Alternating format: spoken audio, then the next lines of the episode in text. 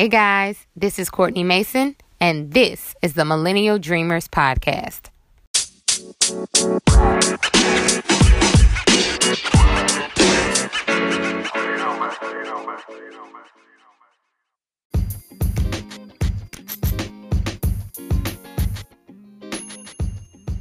Happy New Year! I'm so grateful that you joined us for the very first episode of 2019. If you're new to the podcast, then you should know that Millennial Dreamers is all about celebrating and profiling entrepreneurs, creatives, and thought leaders who are changing the game in a major way. Today's guest is no different. Sevetri Wilson is a history making go getter who has made waves in her career from the very start. In this episode, you'll hear all about her journey as well as advice she now shares with fellow entrepreneurs. This one is heavy on the advice, so you might want to get a notepad handy. Let's get into it. Millennial Dreamers, today on the podcast, we have a powerhouse on the rise, Miss Sevetri Wilson. Sevetri is an entrepreneur and leader in communications, public policy, and technology. She started her first company, Solid Ground Innovations, a full service strategic communications firm, in 2009 and grew it to a multi million dollar business by the time she was 22 years old. Solid Ground Innovations assists corporations, government entities, and nonprofit foundations in growing their identities through advertising, branding, and social media. Not only that, in 2016, Sevetri launched a tech startup, Exempt Me Now, which is a web based subscription platform for tax exempt entities. She's received a number of accolades for her accomplishments, but most recently has been recognized as the first Black woman tech entrepreneur in New Orleans to raise $2 million in capital for her startup. So, in other words, she is a millennial doing it big in a big way. Sevetri, welcome to the podcast. Thank you for having me, and thank you for that uh, warm introduction. well, I have to start by saying it's so funny. A few days ago, a friend of mine texted me and she said, "I'm I'm at a startup program meeting or at my startup program meeting, and Sevetri is the speaker. So I really hope you have her as a guest on the podcast." And I was like, "I'm already ahead of you." She's scheduled to be interviewed on next week. So she was like, Yay, I'm so excited. Um, so like you and she wasn't the first person to request um, that you were a guest on the on the podcast. So I was like, uh, needless to say, I have to I have to get you on. So thank you for taking time. I know you're super busy. So um, we just wanted to start by saying that. So for any listeners who might be unfamiliar with your story and your journey, give them a glimpse into your background. Yeah, so I was uh, born and raised in Louisiana. Um, I'm from a smaller city called Hammond, Louisiana. Uh, my mother being from New Orleans and my father from Hammond. So I grew up between both cities. Um, went to LSU undergrad. Um, as you mentioned, started my first company right out of college uh, and began just growing it and building it from there. Uh, at our core, we were a communications and management company, but decided that um, early on that we had opportunity in the private and public sector uh, we were also heavily working with nonprofits, both from the grantor and grantee side. So working with grantors like Kellogg and Ford Foundation and providing capacity and support to their grantees on the ground. Um, as we grew as a company, we began to phase out the work that we were doing with nonprofits. And in doing that, I felt that there was opportunity to essentially productize those services and deliver it on demand through uh, a software uh, subscription platform in which became Exempt Me Now. Um, and so Exempt Me Now spun out of uh, my first company, Solid Ground Innovations, and I stepped away from my other company full time to run Exempt Me Now um, full time last year. Okay, so to take a step back, when you were at LSU, did you ever did you start out knowing that you wanted to start a company and become an entrepreneur, or was it something that um, kind of unfolded naturally as different opportunities came about for you? You know what's crazy? Although I always say uh, SGI was my first company, ironically, I started an online newspaper called Be Now, Black News Our Way, when I was a sophomore in college. And, but then it was like, this is like things that you were doing as a college student. Like we didn't label ourselves as like CEOs or right. uh, entrepreneurs. It was like something that we were doing. Right. Um, because we thought there was a need for it. And I did that in an effort to bring together Black writers from LSU's campus and Southern University's campus, which was the HBCU uh, in Baton Rouge. And I was at LSU, the PWI, and there was a lot of conflict between Black students on those campuses because, you know, just historically, oh, you think you're better than us, mm-hmm. or, you know, you guys think you're better than us. And it was always tension. And I'm like, we're all black. Right. we all have come together. yes, we're all in this struggle together. I don't care where you decide to go to college. And so I um, began to facilitate that space online. Um, and you know, this was for people didn't even have faces on Facebook, right? So it was like Facebook was still thefacebook.com and you didn't even utilize it as like a big medium. And so it was something um, that I guess you could consider my first venture of sorts. My history professor at the time gave me like $500 So I guess he's my first investor. yeah, the first uh, investor. Yeah, my first investor, five hundred dollars. Um, and he was like, "Yeah, you have to go do this, this, and this. You have to pay your writer because nobody's going to be writing for you for free for that long." Um, and so, you know, I hosted a meetup with some of my friends and other people who helped me pull it together. You know, I paid twenty five dollars for my first logo, a couple hundred dollars to um, my friends who did web design, and we put it together and launched it. And so I guess you can say that I've always been entrepreneurial. Um, and I always felt like I would own something and utilize things that I was passionate about to build something. That's so dope. Like I, I didn't know that story, but that it's so true that it's like sometimes those qualities of being a leader are already kind of instilled in you. I don't know that I was, yeah, in college, I definitely didn't have my mindset on being an entrepreneur, but that, yeah, it's really quite interesting to me. And I also find it interesting that your professor was like, I will be an investor because I've talked to a lot of people who, um, millennials rather, now who are business owners who have professors or teachers or people when they were younger who kind of planted a seed um, and believed in their dreams even early on just believed that they were had the capabilities to do great things. So shout out to the professor. Like he Yeah. And he wasn't even looking at it as like, oh, I'm making an investment. He was just like, oh, you're gonna need help. And you know, so he was willing to like help me mm-hmm. um without you know, investors want a return. Like it wasn't about that. The return was um, you're going to go out here and bring other black students together to accomplish something um, that's, you know, worthy of, of support and that should be supported, you know? And so it was pretty, if looking back at it, um, like you said, it's pretty dope.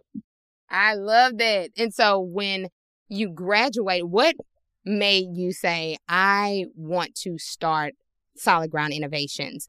Yeah. So, um, I was still, so now I'm in grad school, um, and I'm working at this organization called Louisiana CASA, and I was working on um, a lot of advocacy work. Um, and CASA is Court Appointed Special Advocates for children who have been in and out of foster care. And I came up with this campaign underneath this um, opportunity we called the Forgotten Children's Project. And I was seeking out individuals who had higher profiles to utilize them to be volunteers and like the faces of this volunteer campaign that we were launching um, to recruit more black males because a lot of the foster children um, that we were that were case were, were our cases were black boys, but the majority of the volunteers were white women. Mm-hmm. and so you can imagine that, you know, there was um, a need and a demand to have more black male um, volunteers. And so I began to reach out to um, like the mothers of athletes that I had went to school with um, so that they could come together and be like the face of a campaign. Um, and from doing that, they started actually approaching me about doing, um, helping them create their foundations and their community outlets through whatever sports team they're on. And so this is like when LSU was at the height of its um, SEC dominance. So mm-hmm. we were like number one football. We were like topping it uh, in basketball. And so we were producing just a lot of NBA, NFL players. And so one of um, the individuals had left for play for the NBA, the Chicago Bulls, um, Tyrus Thomas, mother was like, oh, you guys should come on board and well, you should come on board and help us create a foundation, his community outreach plan in Chicago, and then back in Baton Rouge where he grew up. And at first I was like, uh, no, that's not what I want to do. Mm-hmm. like I'm focused on this. And they were kind of really like just adamant about the opportunity and that, you know, I was the right person to help them get started. And eventually I um, left CASA to do that and began consulting in the space. And then other people started referring me, other nonprofits started referring me. And so SGI first started off as a nonprofit consulting company. Um, and it literally spun out of me just doing consultancy work and being referred where I had enough traction where I was like, okay, maybe I should turn this into a business. Right. This is the other thing that I'm thinking of as you're talking. It's like, I know a lot of millennials will tell me sometimes that they find it hard to figure out what they really want to do. It's like, I don't really know. Um, I know that I'm good at this, or I might have this knowledge here, but I don't know what to do with it. And sometimes it just takes an opportunity. Like you are already working somewhere else, and other people were saying, Hey, I noticed that you're great at this. And it kind of mm-hmm. spirals mm-hmm. into something. So it's like once you start moving your feet in one direction or another, something can unfold that you wouldn't even, you know, dream of, or you, you can't even like think of it. You're like, I wasn't thinking to do that at all. Yeah, for sure. I think that most people, not some, I do believe opportunity is uh, a shortcoming, particularly for a lot of um, just young Black millennials. But I think the other piece is ensuring that you're prepared for the opportunity, mm-hmm. right? Because a lot of people turn down opportunities because they're just not prepared, they're not responsive, they're afraid, you know. So yeah. a lot of reasons why they don't move forward. That's a big piece of it too, being afraid, and and I think when we'll talk about that later because I think fear is something that holds a lot of people back that might have amazing ideas, but they second guess themselves or say like, oh, I don't know if I'm able to do that. Um, so that is another piece of it. But to think that what I found extremely impressive was that at 22, you were able to grow your business to be a seven figure company at 22 years old. At 22, what was I doing? I am trying to think. what was I? I think I just graduated and moved to Atlanta. But yeah, I wish that I had the foresight to start anything and grow it that fast. So, what were some steps that you took to actually get your company to grow legs and just skyrocket um, in the way that it did so early on? Yeah, so I didn't, uh, my company didn't grow overnight. You know, it took actually a few years. Although I started my company at 22, we didn't surpass seven figures for at least like three, four years. Okay. Um, and that's and still so, awesome. Yeah, so I was probably like, yeah, so, but I, it was a lot I didn't know, right? And so I was learning a lot. Um, and although I had clients underneath my belt, to get to seven figures, you have to have more lucrative deals, right? Mm-hmm. And so, like the more lucrative deals you have, you have to retain the clients that you have. You have to do going like more partnership engagements, and um, you have to land contracts. And so, I began to network more um, outside of the space that I was in. So I knew that I wanted to expand my reach to like the private sector, working with companies and corporations and one of my first large uh, contracts was with Aetna Better Health, which is obviously a Fortune 100 healthcare company. And that was like my first seven figure contract. And I was like, oh, okay, like, what do I do that? You're like, what? This yeah, yeah. And I was like, you know, they gave me, I, they could have given it to any marketing company, and but they felt they found like the value in not only my um, background, but in the work I had done in the community. And they wanted to be grounded in the community and they wanted their marketing to have that community touch and to like really reach people. And so I was able to, you know, position myself as that person, um, really within South Louisiana. And so people would come to me not only for that, but because they felt like I was an executor. Right. And so they felt like when they came through the door, that not only was I able to, you know, build my own company, but they felt confident that I could do it for them. And honestly, that was like my priority. I think that sometimes people spend too much time trying to build themselves up. But if you work to do and accomplish things for other people by word of mouth and by referrals, people will, you'll grow your business, right? I think mm-hmm. sometimes we spend too much time trying to, you know, get press around our own. No, get press around your clients. Like, yeah. don't get press around yourself. Yeah. you know, it's like build your client's website. You know, write a blog about your client. Like we spend too much time on ourselves.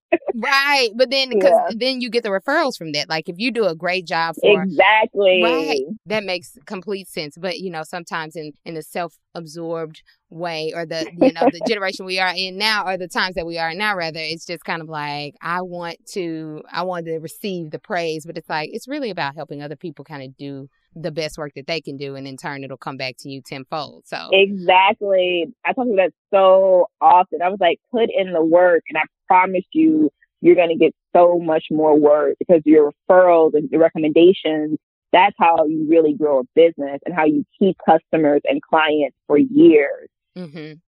um, and i was also thinking about how important it was maybe to have someone to help guide you. So I remember reading in your um, article, you were featured in Essence, and you mentioned that one of your very first mentors noted that um, you went, I think you were at a conference and you said that of all of like 500 women, you were one of the only ones who reached out to him and he, and he was, he noted that. Do you think it's really important for anyone who's like starting out, um, even whether it's in tech or just starting a business altogether to have a mentor um, because I know a lot of times we just kind of think like, oh, I'm going to do it all on my own. I'm going to figure it out. But how important do you think having a mentor is to the growth um, of an entrepreneur?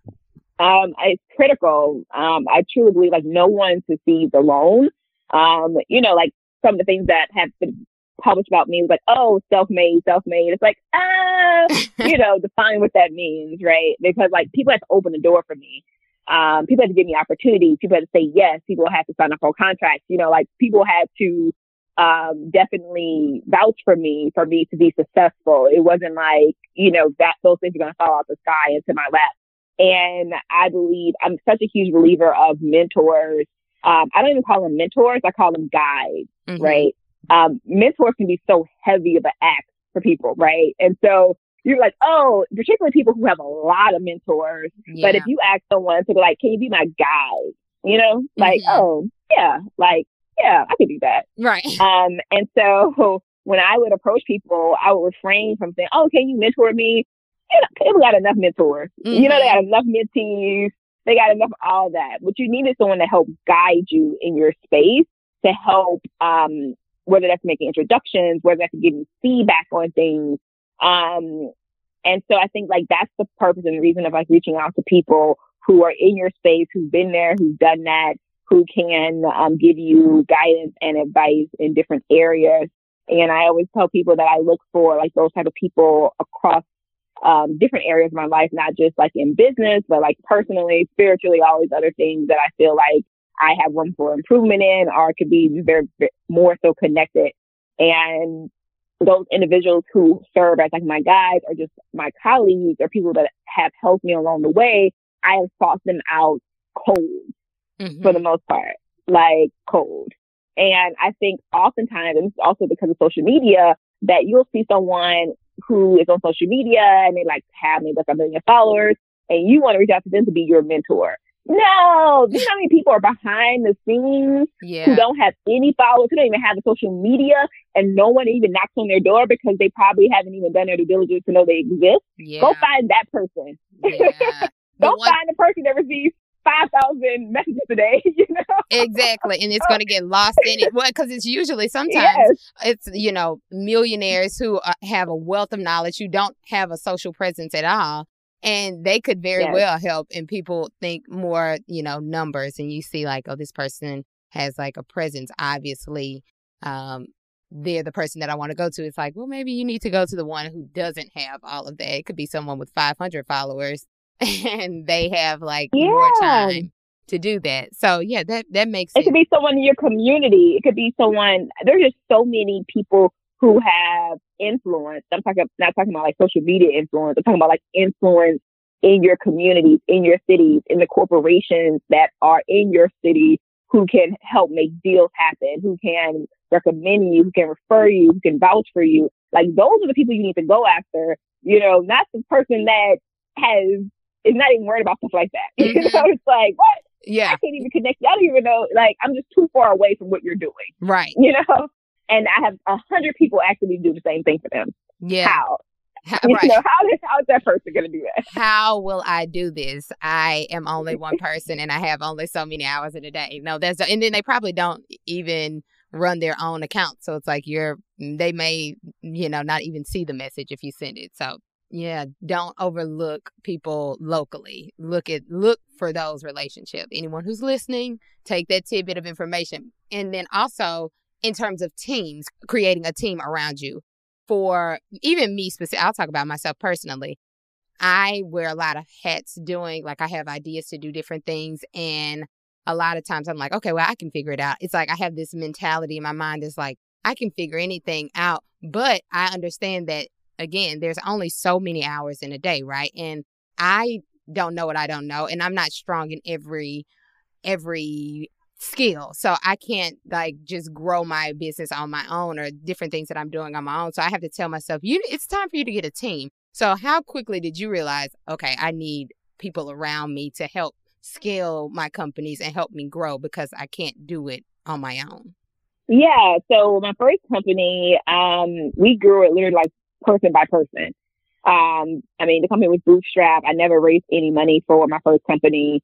Um, and the first person I asked to come on my team was my line sister. So she was like a logistical dynamite, like soldier. Like she would get anything done. And that was like who, what I knew her for. And she was in grad school all the time. And she was like, sure, I'll, yeah, I'll do it. Yeah, I'll do it.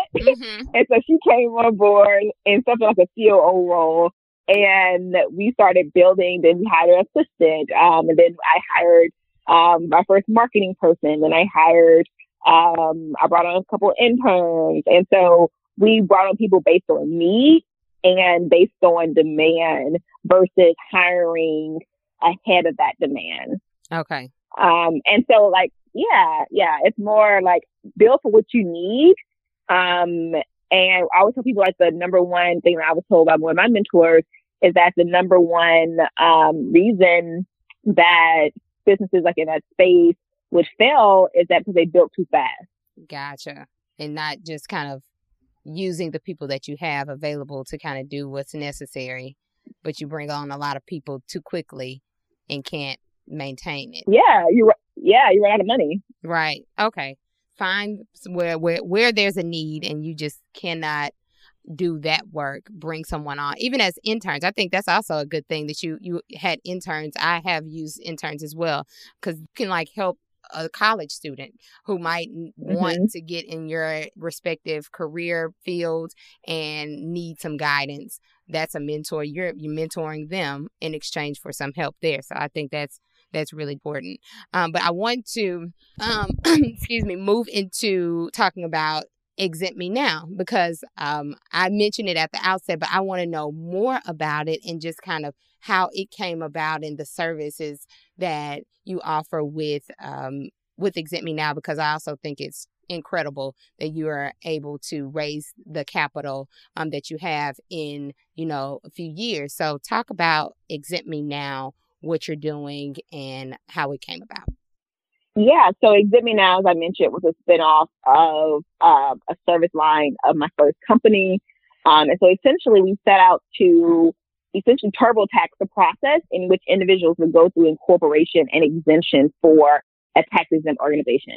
And so, say if you wanted to start a nonprofit, you would have to go to your Secretary of State's office, or and then you would have to go to the IRS website, and you had to fill out these forms and pull all these documents and get board members and get your EIN number or you had to pay an attorney to do it or accountant to do it, or maybe someone else who uh, was a nonprofit service provider. And so we took all those different elements because we were doing this um, underneath our nonprofit management arm of SGI.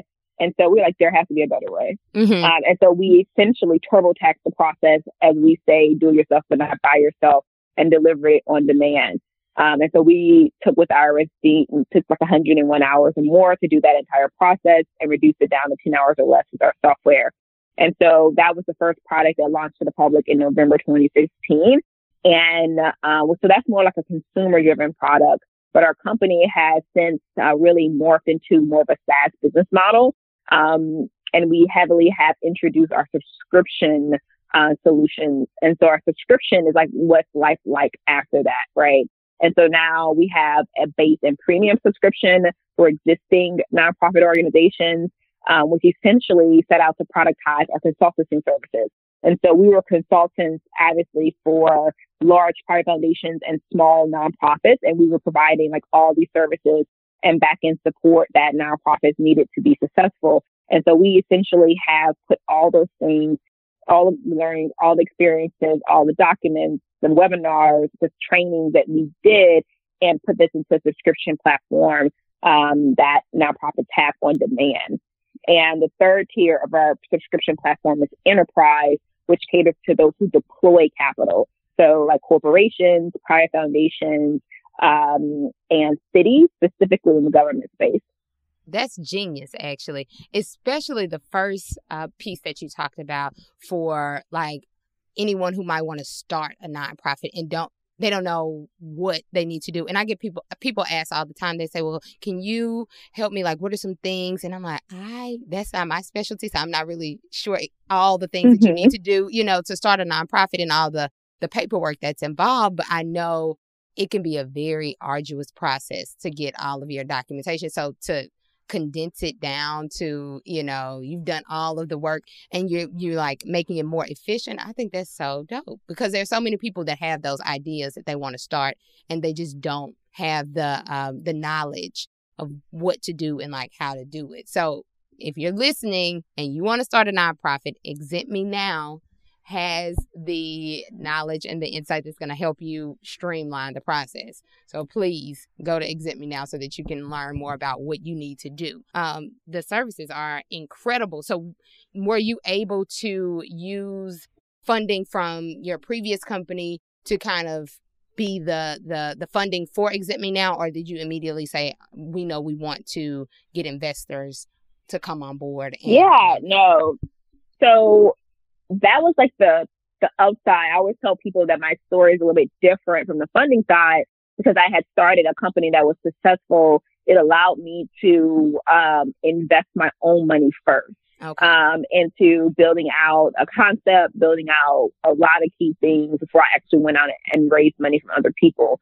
And so when I went out to raise capital, for the most part, people actually had something physical they could see. And so my first uh, raise was like $400,000 in a pre-seed round. And then obviously this last raise, which was a seed round. Okay. Okay. So it's like have something there to say like, listen, I've invested my own money into this company and now I have something to show for in terms of the success of my previous company. So yeah. Yeah, I'm always telling people like, you know, I know we have a whole bunch of ideas and things we want to do, but my friend who's in the wealth management space, we had dinner the other night and he said something that his mentor told him, who is now like obviously a multimillionaire and basically do what he wants to do. He said, how you get rich is focusing on one thing. How you stay rich is diversifying. And I think like that's so true. Sometimes we can spread ourselves so thin. It's like focus on the thing that's going to make you the most money the fastest, which is going to allow you to have the resources to do everything else you want to do. That is a tweetable, as Oprah will say focus on the thing that's going to make you the most money the fastest. I think we think sometimes like, oh, I'm passionate about this or I want to do this, but it's like, okay, what was what's going to bring you that revenue so that you can do those other things? Yeah, and if you're not driven, if you're not driven by that, then you know, then that's okay as well, right? So if you're not driven by money, but you know, I'm reading a book now that says the purpose is profit, mm-hmm. and you know, you start a business. At the end of the day, you start a business to make money.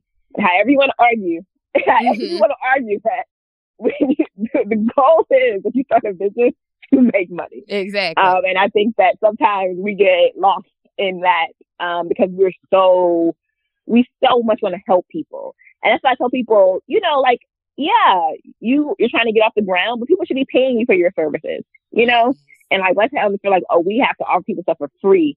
To know you never have to offer people anything for free. Yeah. And you know, I think another big thing is for women especially. I will say that that sometimes we um don't ask for what we're worth. Like you, you, you, we have all these, we've gained knowledge. We'll go out and do the work and learn these skills that, you know, will help other people, but then we're afraid to ask. And that's something that I think will keep businesses from growing at the rate that they could. It's just like, don't be afraid to ask for what you're worth. Like you, you know, people need your services and you have the skills so you have a right because our male counterparts they don't have any qualms about asking for what they're worth yeah and don't be afraid to walk away when somebody's trying to lowball you oh yeah that's true too yeah because we think that might be the only opportunity i need to take this one it's like no you don't have to. Yeah. Um, you can. There'll be other opportunities. Exactly. Well, I think for um, also just for someone who's looking at your journey and how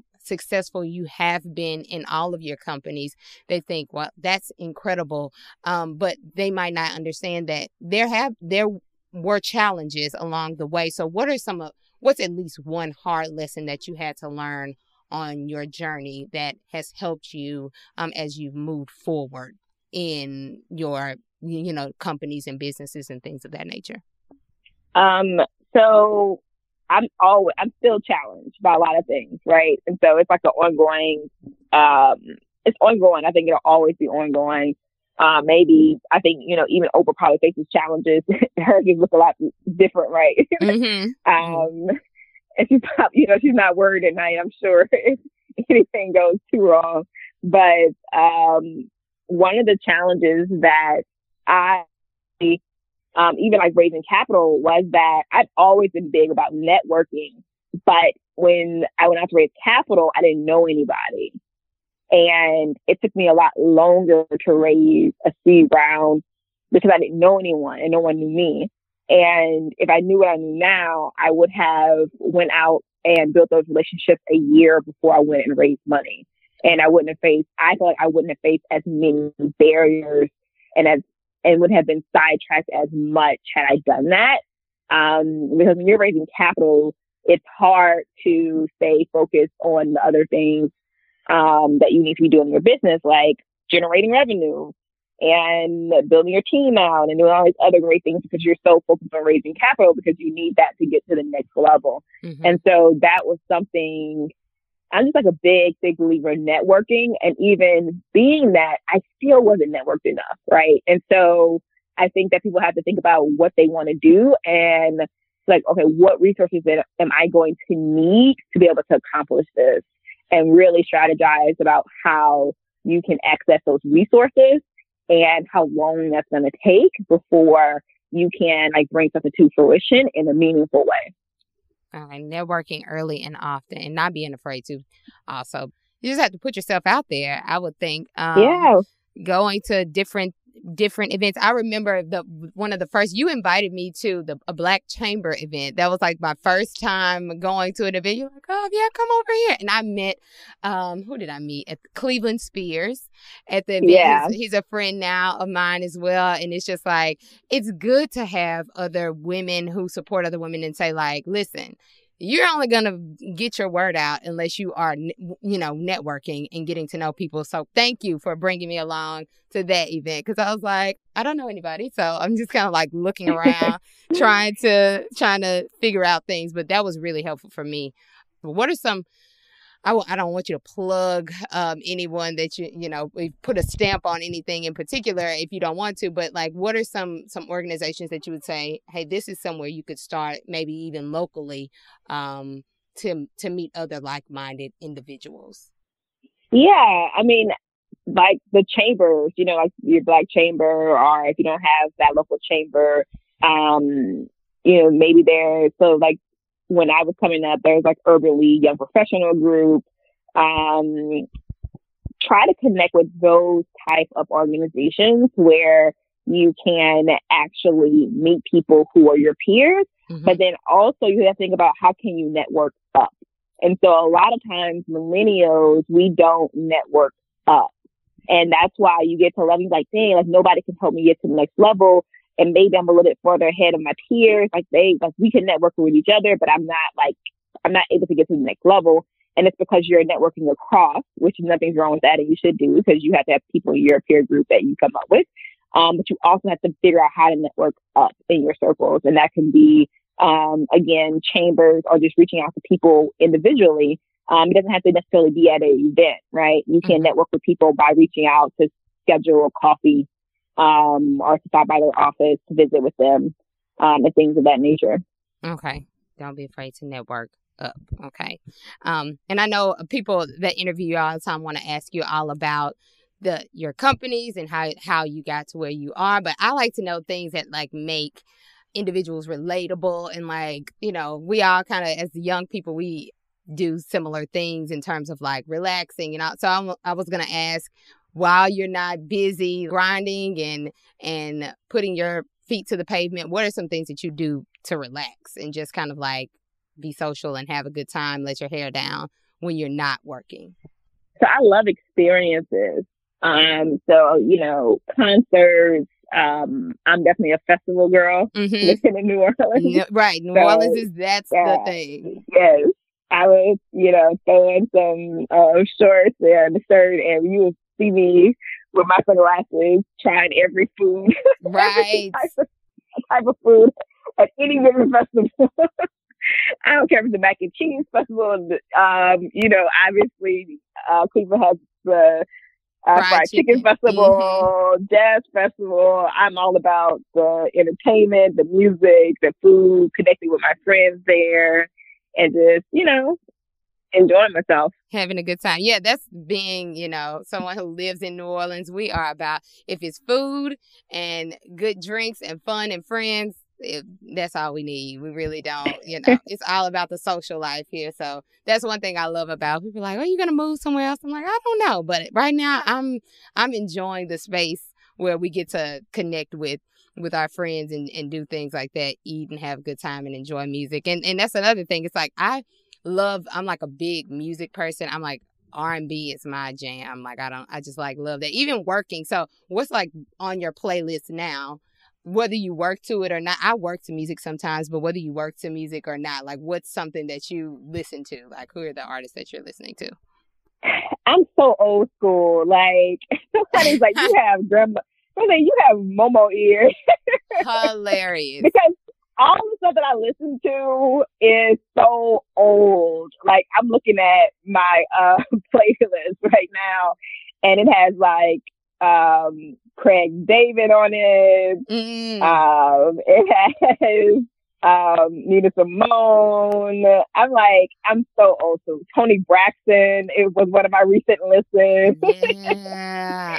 yeah, I'm old school. That's me. And, and, you know, I'm the same way. I love, like, I was just listening to um Eartha Kitt for whatever. It was just random, yes. like stuff like that. I love Nina Simone also.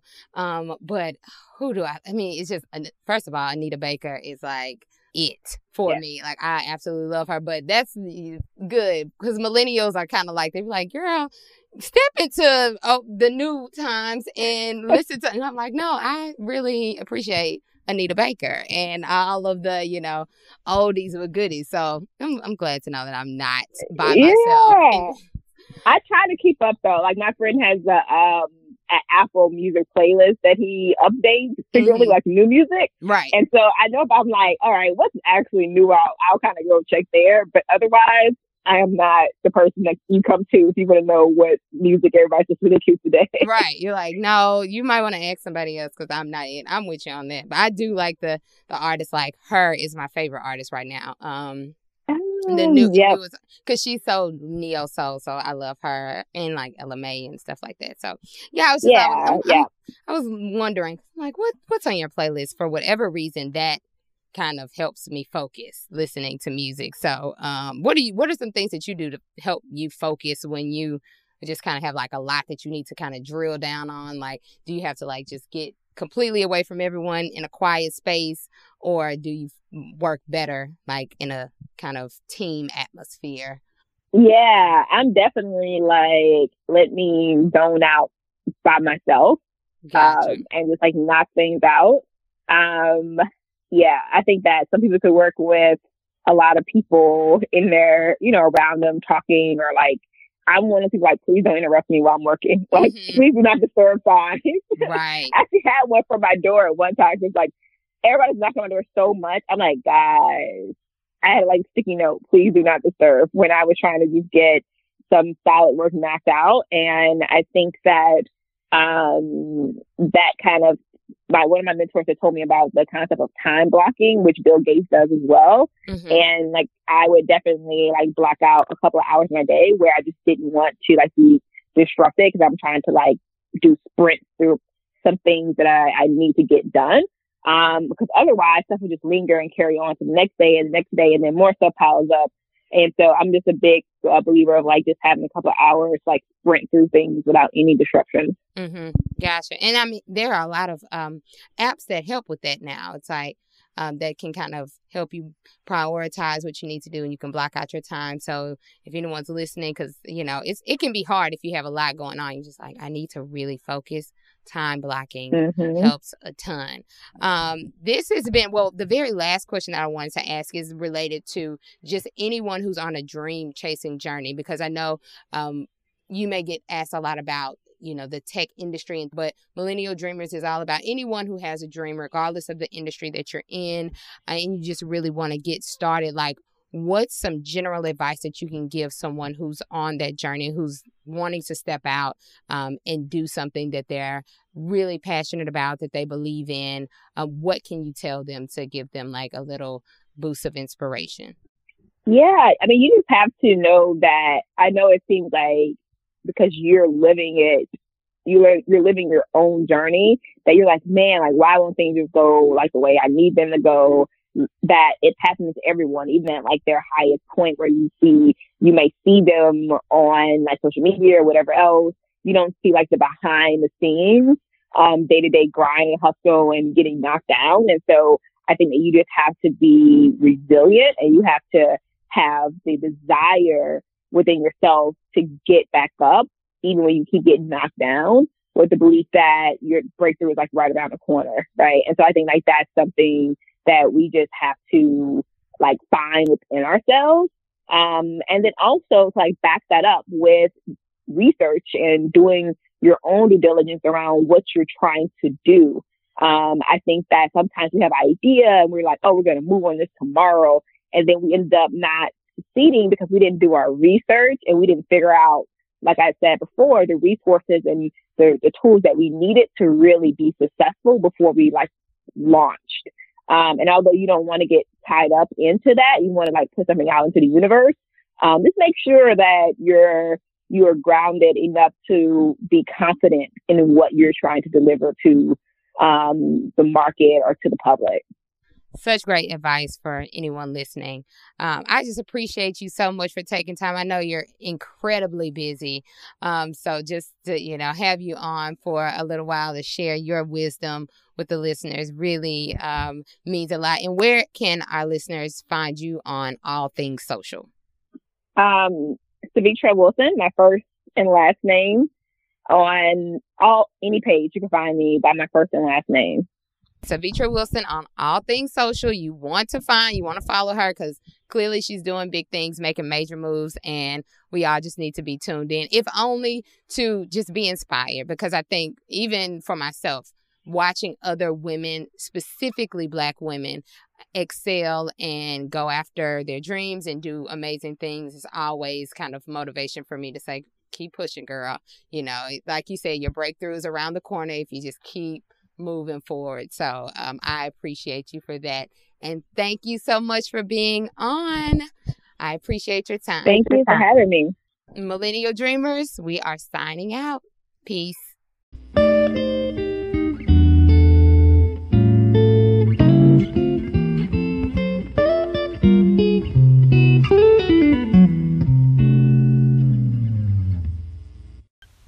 Thanks so much for listening to this week's episode. If you have any ideas you'd like me to discuss on the podcast, send me an email to millennialdreamerspodcast at gmail.com. Again, that's millennialdreamerspodcast at gmail.com. I look forward to hearing from you. Oh, and hit the subscribe button. Talk soon. Peace. The podcast you just heard was made using Anchor. Ever thought about making your own podcast? Anchor makes it really easy for anyone to get started. It's a one stop shop for recording, hosting, and distributing podcasts. Best of all, it's 100% free. Sign up now at anchor.fm slash new. That's anchor.fm slash new to get started.